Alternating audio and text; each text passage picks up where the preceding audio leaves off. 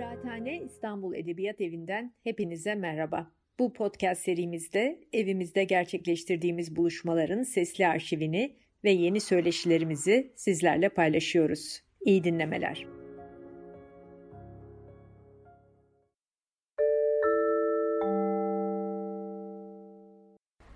Hoş geldiniz. Herkese selam. Evet. Hoş geldiniz. Bugün e, pazartesi günü 17.01 2022. Ay 22. 22 hocam. 2022 e, Kıraathane 24'teyiz. Çok teşekkür ederiz Kıraathane'ye bizi davet ettiği için. E, evet. Biz de biraz e, konuşalım dedik. Hocam e, eline sağlık öncelikle. Şehbrettin gerçekten e, muazzam bir hayal, bir fikir, bir muazzam bir e, kayıt, müzik, Uğraşı. evet uğraşı. E, nasıl oldu bu? Yani neden bunu yapmak istedin? Ya biz e, öğrencilik yıllarına dönersek hani bizim e, hayatımızı yönlendiren birikimleri en çok kazandığımız e, bir oluşturduğumuz dönem zaten hani o öğrencilik yılları oluyor. Orada oradaki arkadaşlıklar, e, o döneme ait tartışmalar, şunlar bunlar. Ben Güzel Sanatlar Akademisi mimarlık bölümünde okuyordum. Herkes zaten sanatla ilgili bir bölümde okuyordu. Hepimiz arkadaştık. Ortak buluşma noktamız meşhur bir kantinimiz vardı. Oradaydı.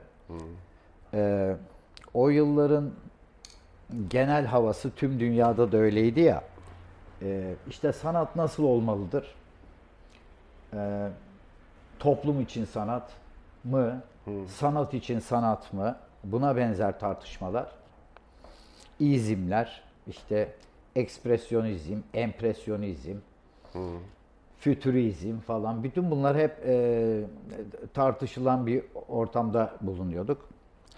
O sırada yani biz işte gitar müziğine merak duyan e, genç yaşlardaki kişiler olarak hep farklı şeyler yapmayı, e, kendi bestelerimizle yani müzikle uğraşıyorduk. E, müzik grubumuz da vardı. Yani genelde müzik grupları halen daha Türkiye'de büyük bir çoğunluk öyle. E, cover dediğimiz e, başka şeylerin, grupların e, beğenilen parçalarını, müziklerini ne kadar iyi çalarsa o kadar kendileriyle övünürlerdi. E, ama biz de o dönem, o nesil olarak kendi müziğimizi yapma konusunda hevesli olduğumuzu düşünüyorum. Birbirimize yaptığımız besteleri dinletirdik falan. Bir yandan da hani sol kesimin müziği olarak da bağlama ön plana çıkmış. Yani Hangi ruh, yıllardan bahsediyoruz? Yani e, Sadece milattan öncesine falan gider gibi olmayalım ama 75. yetmi- 70'li yılların 70'li sonuna doğru falan diyelim. sonu. Evet. Yani işte Ruhi Su bol bol dinlenirdi derken Zülfü Livaneli çıktı. Daha e, Ruhi Su zaten bir yenilik getirmişti Türk halk müziğine o açıdan. E, Zülfü onun üzerine bir yenilik daha getirdi gibi. Hani İsveç'te e, yurt dışında yaşıyordu. Oradan onun kasetleri gelince bağlamayı da biraz daha farklı çalıyor algısı oluştu insanlarda. İşte Nazım Hikmet bol bol kullanılıyor. O şekilde besteleniyor. Tiyatrolarda oluyor ama bu bütün bunlarda hani biz hani Z kuşağı var ya bugün. Biz de o zamanın Z kuşağı gibi düşünürsek ya tamam iyi güzel de başka türlü olmalıydı diye de düşünüyoruz. Yani e, diyorum ki ben işte Na- Nazım Hikmet'le de zaten e, tanışalı çok olmamış ve beni şiir anlayışıyla yani şoke etmiş bir şairdi Nazım Hikmet. E, na- e, yani kendisi işte çok genç yaşlarda Moskova'ya gitmiş, orada üniversite okumuş. Orada e, fütüristik şairleri de tanımış. Bir yandan kendi ülkesinde hala Aruz vezni devam ediyor. Şiir yazmaya aşık bir e, kişiden de söz ediyoruz. Bir de fikirleri de farklı. Böyle olunca yani Nazım'da biz şunu görüyorduk arkadaşlarla. Hem bir e, çağdaşlık, modernlik var. Şiirinde bir yenilik var.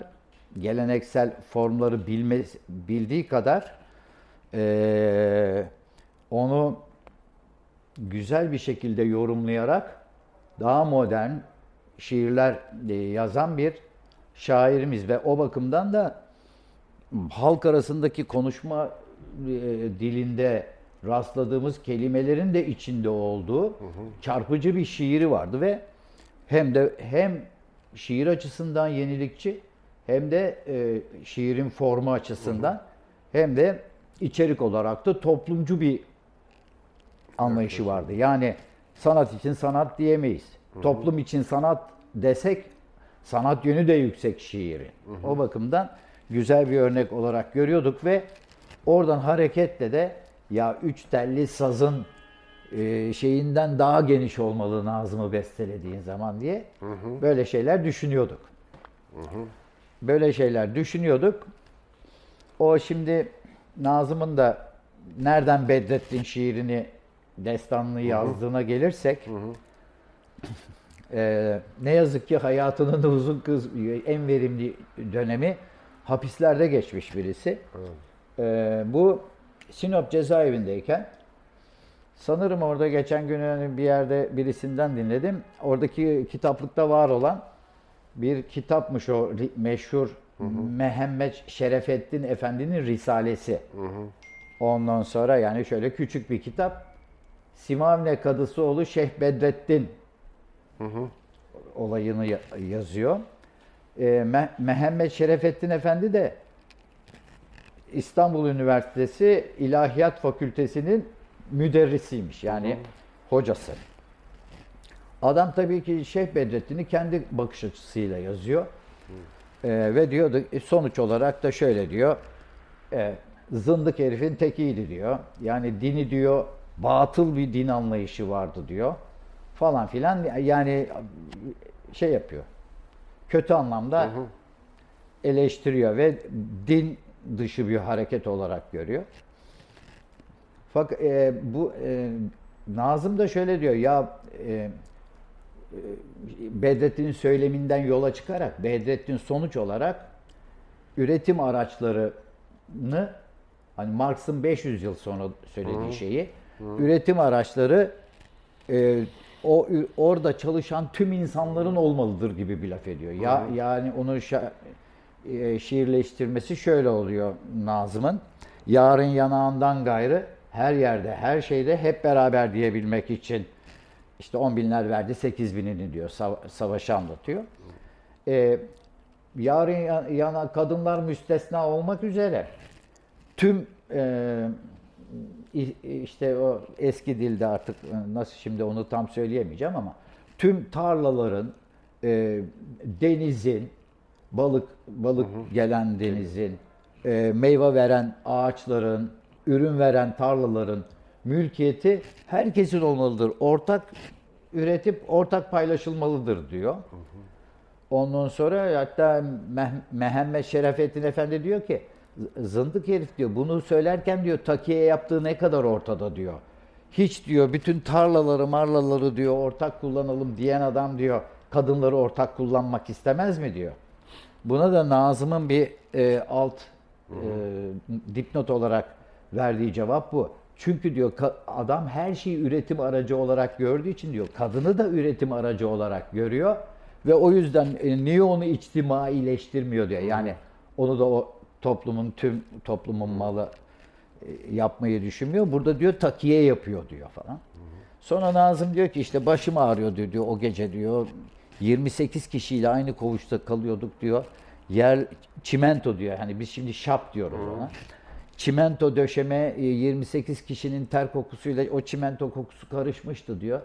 Öyle bakarken diyor işte Paşazade'den, e, Bizanslı tarihçi Dukas'tan, ondan bundan bir sürü insandan da e, Bedrettin hakkında kitaplar okuyor Nazım. Ve bir gün o kadar artık o gece kafayı takıyor ki o bir türlü gökyüzünü görüp de denizi göremediğimiz yukarıda bir pencere vardı diyor. Hemen oradan aklıma da benim Sabahattin Ali'nin yukarıya çevir e, deniz gibidir gökyüzü şiiri şiirini hep aklıma getiriyor bu. Dalga seslerini duyuyorlarmış. Sinop Kalesi cezaevi. Dalga seslerini duyuyorlar. Fakat e, denizi bir türlü göremiyorlar. Duvarlar çok kalın, pencere yukarıda. Orada beyaz elbisesiyle Bizanslı e, tarihçinin anlattığı Giritli keşişin müridi gözüküyor buna. Martı. Evet. Namı diğer Martı Evet. diyelim.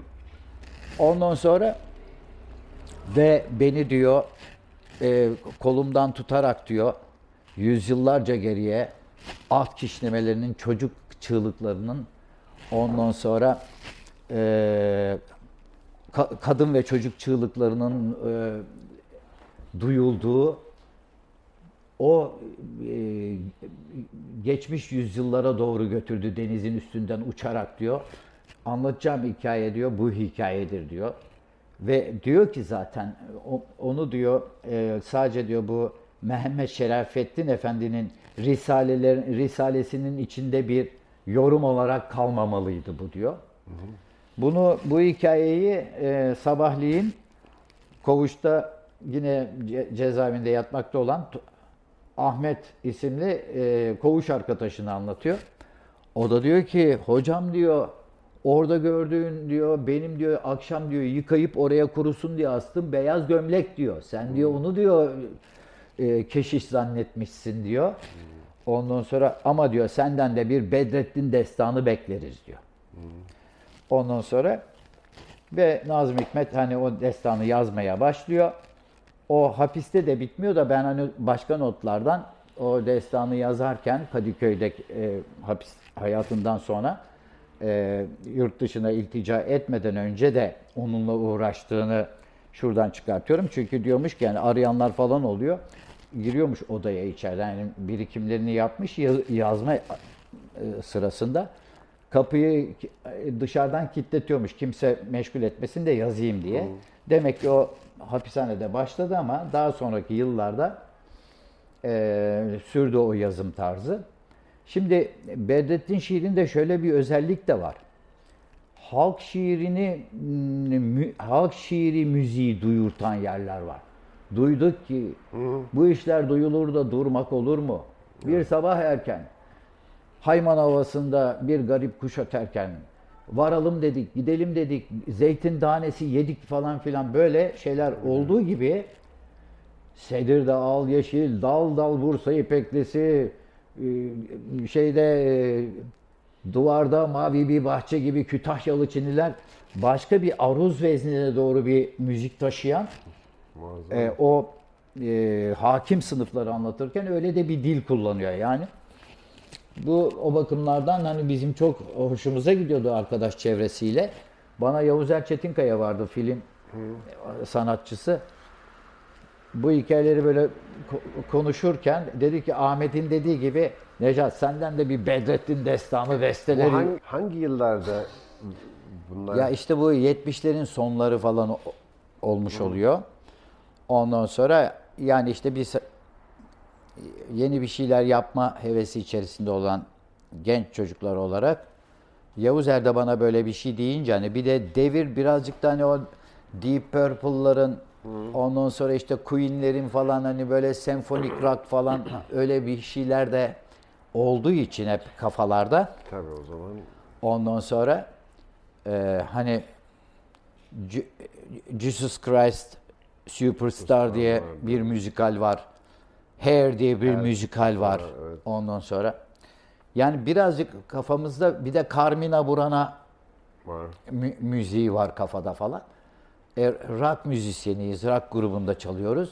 Bütün bunları böyle kafada birleştirerek daha modern ve daha Nazım Hikmet'e yakışan bir sound olur düşüncesi orada oluştu. Çok Ben de bir- oluştu. Evet yani.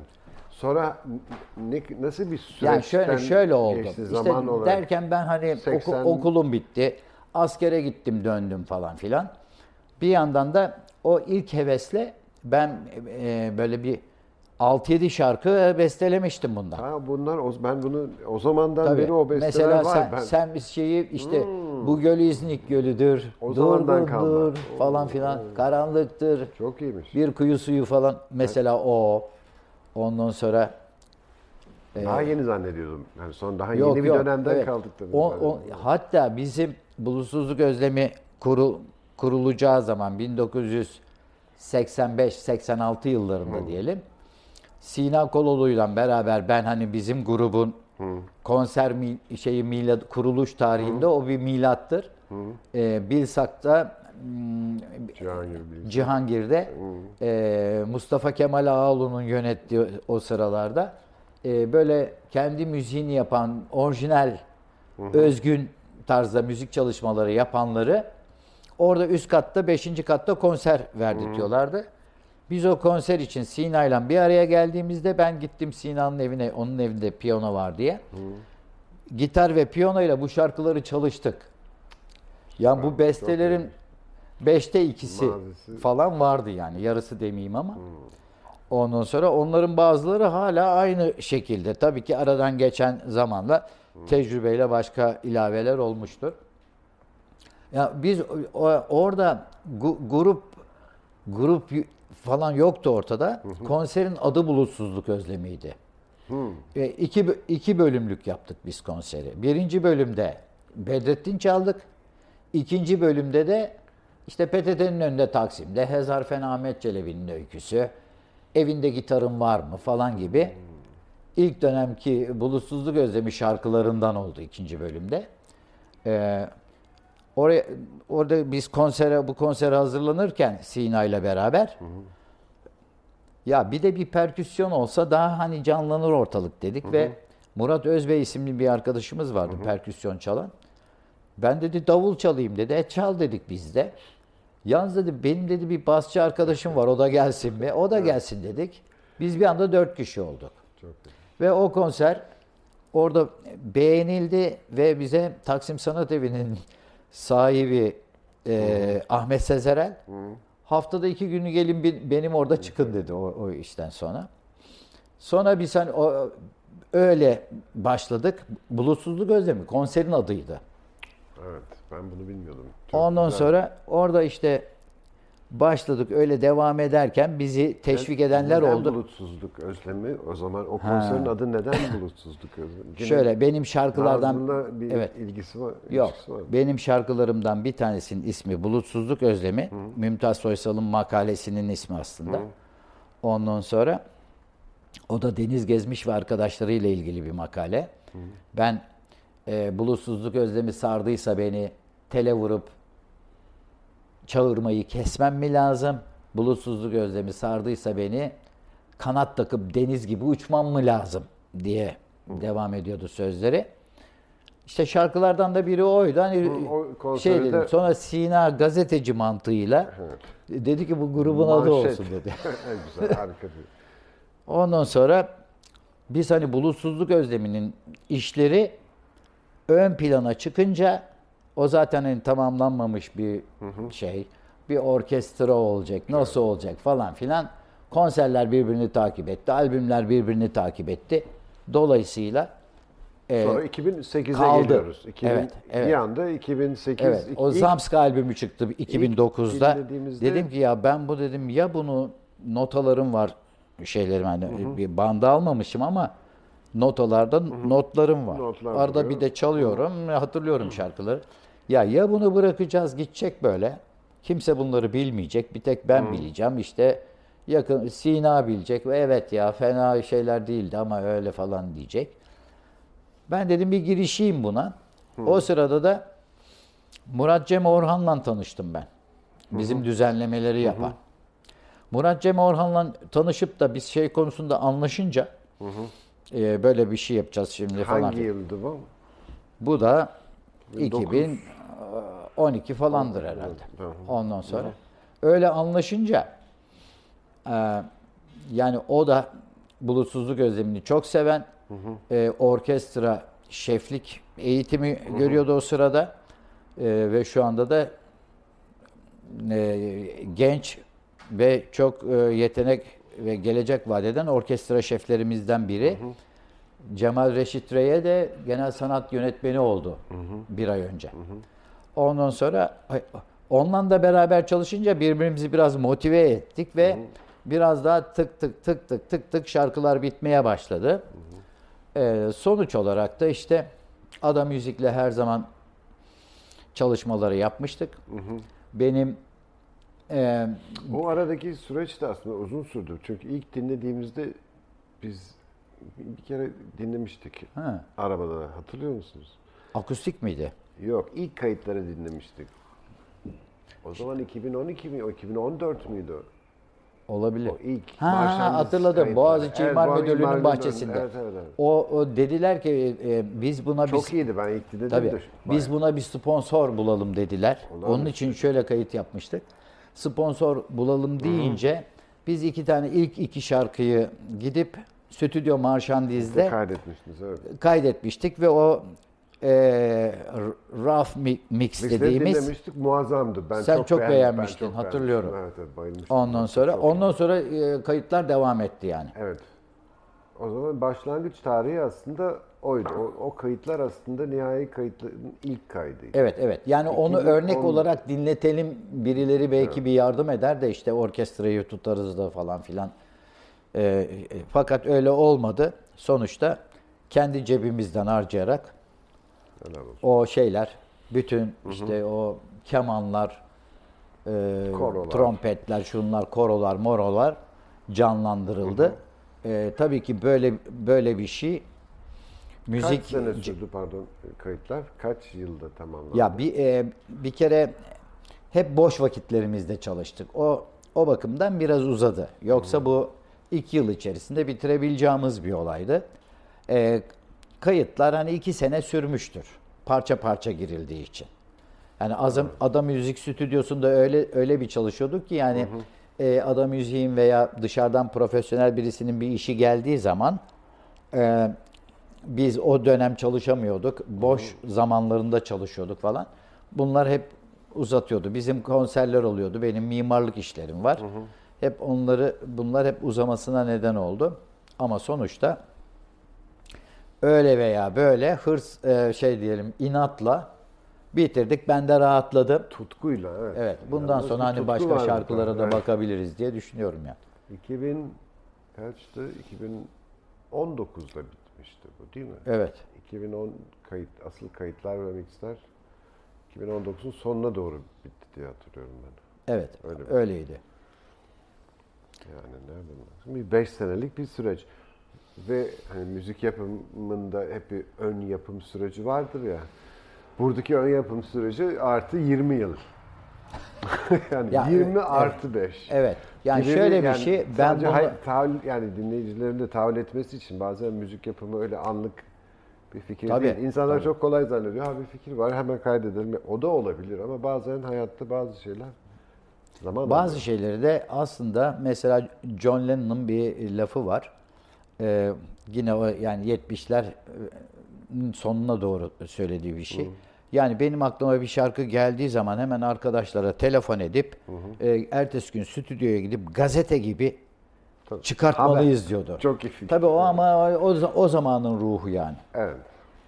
O günümüzde aslında yine olabiliyor. Bu teknolojiyle hele Var. Anlık. Evinde kayıt yapanlar var ama ben e, ben mesela o o işe bulaşmadım.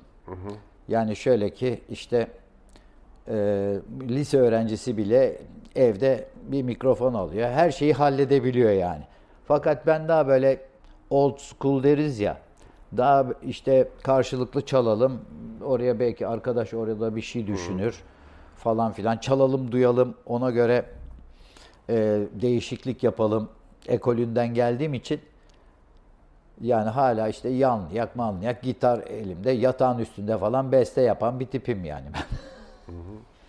şimdi bunun filmini ya da belgeselini yapmayı düşünüyor musun? Ya şimdi bunun esasında bunun yeri e, büyük bir sahnede e, o koroyla, o, e, senfoni orkestrasından ve e, grupla, seyirciyle birlikte belki de bir takım görsellerle Bunun e, öyle sergilenmesi lazım. Ya onun, o da eninde sonunda olacaktır diye Bu yaz düşünüyorum. olur. Bu yaz olabilir. Evet olması gerekir. Biz aslında pandemi çıkmasaydı bayağı ciddi bir şekilde e, 2019'un Eylül ayında Bilkent Senfoni Orkestrası ile bunu yapıp orada da kay orada kaydedecektik. Fakat işte e, pandemi çıkınca o konser ertelendi. Öyle de kaldı. Erkin olabilir. Evet. Bu sene gibi olabilir. Ya şimdi şeye gelirsek hani böyle bir müzik 101 dakika sürüyor. Bunu bu 25 devirde parça, kim dinleyecek? 25 parça. Yani bir oturuşta 101 dakika hani filmi bir e, şeye otursan, e, sandalyeye otursan e, Dinleyebilirler yani. yani bir filmi seyredersin, bir tiyatroyu çıkamazsın dışarı seyredersin ama hani bir müzikte orada sırada telefon çalacak bilmem ne olacak. Eski dönemler gibi değil. Ama e, böyle bir değer var elimizde. Yani bu şimdi e, sosyal medyadan da takip ediyorum. Yani çok onore edici yaklaşımlar çok ve eleştiriler var yani. Evet dinlemeyi biraz yani odaklanmayı gittikçe unutuyoruz sanki. Tabii. Yani şimdi bu söyleşiler var hani. Bakıyorsun rastlıyorsun bir yerde bir söyleşiye 42 dakika. 42 dakika olunca hemen saatine bakıyorsun ya 42 dakika. Şimdi bunun tümünü izleyeyim mi? Bak çok ilginç bir şey oldu. Evet 25 parçayı dinlemek mümkün. Dinlenir tabii. Evet.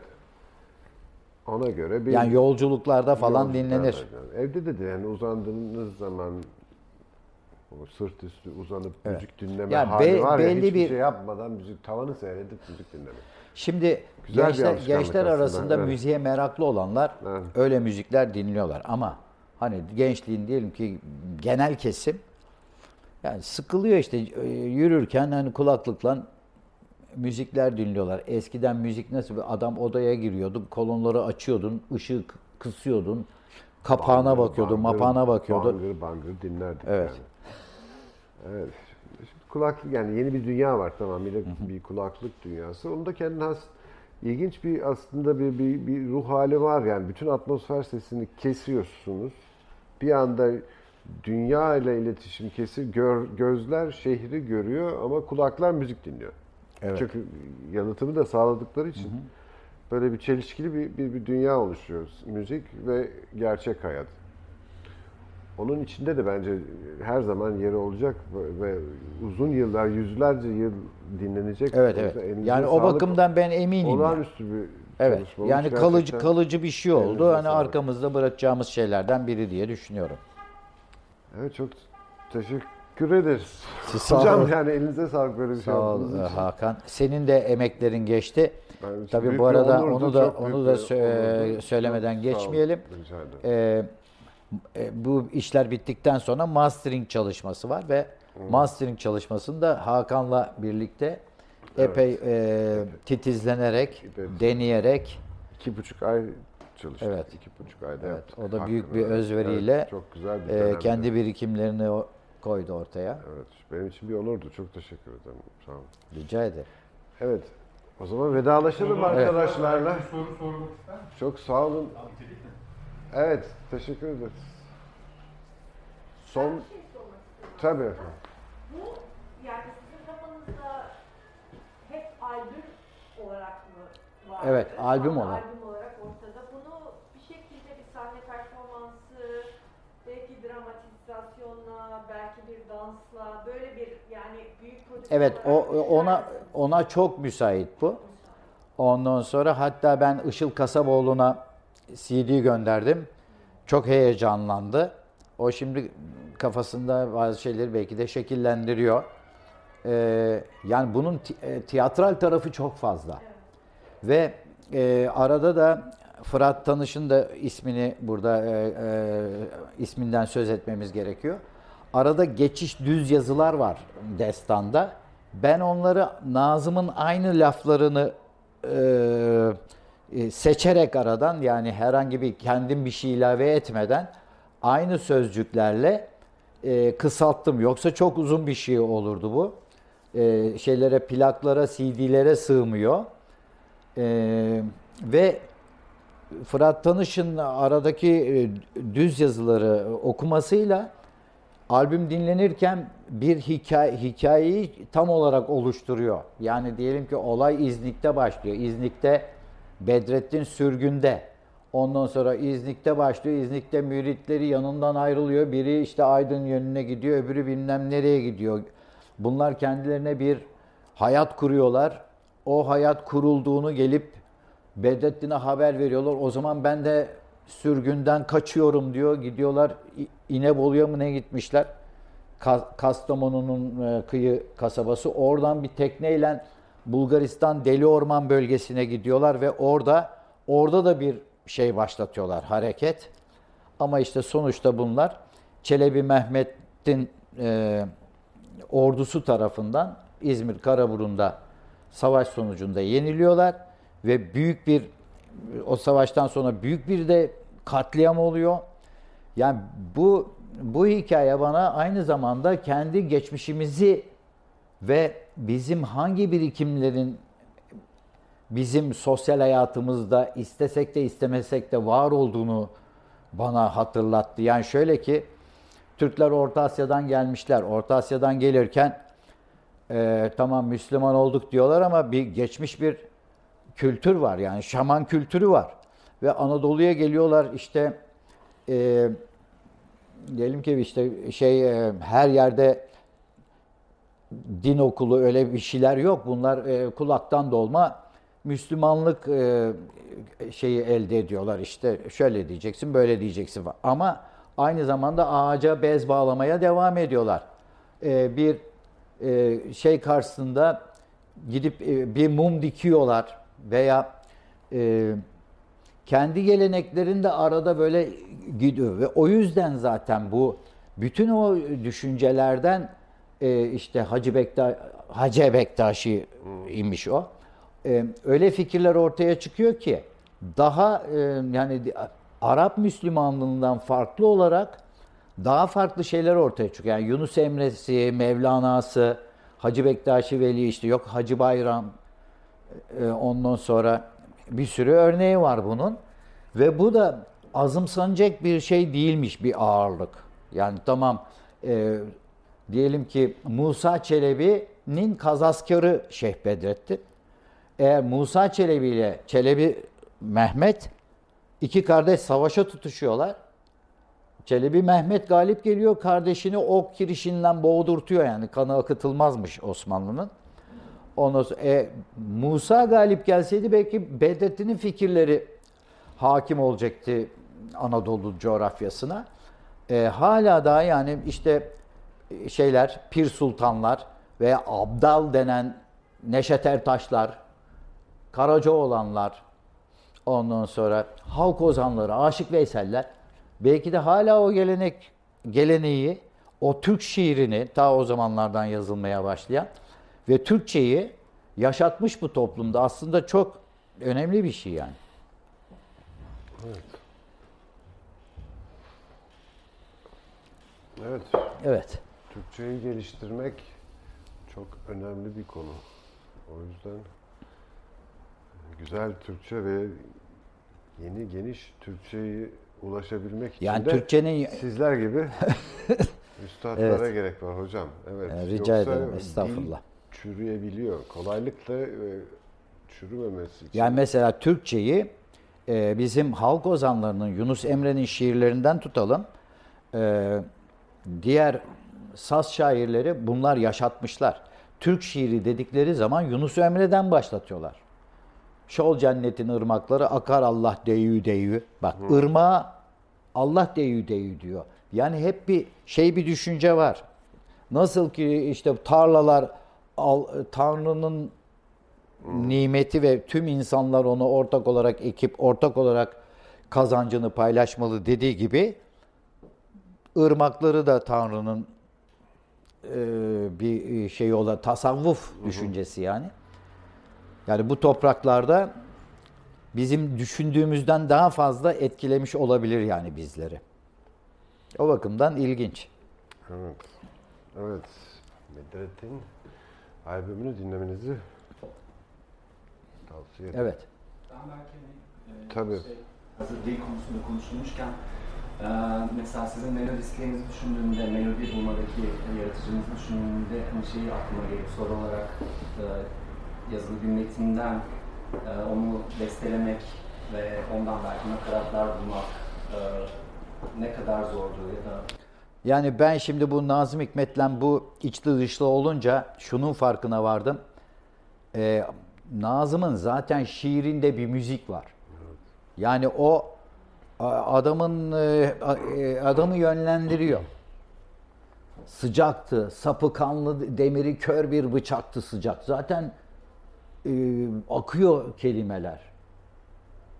Yani e, çok hakikaten müzikal olarak çok müthiş Türkçeyi e, doruklara çıkartmış bir şairimiz. Evet. Muazzam bir zamanlama hissi veriyor. Evet. Boşlukları, Ritim var. Evet, ritim var ve boşlukları çok geniş. Evet. Çok güzel. Peki. Evet. Çok teşekkür Rica ederiz ederim. hocam. Ee, yani sizlere çok teşekkür ederiz. Herkese çok teşekkürler. Sağ olun. Tamam, hoşça kalın. Hoşça kalın.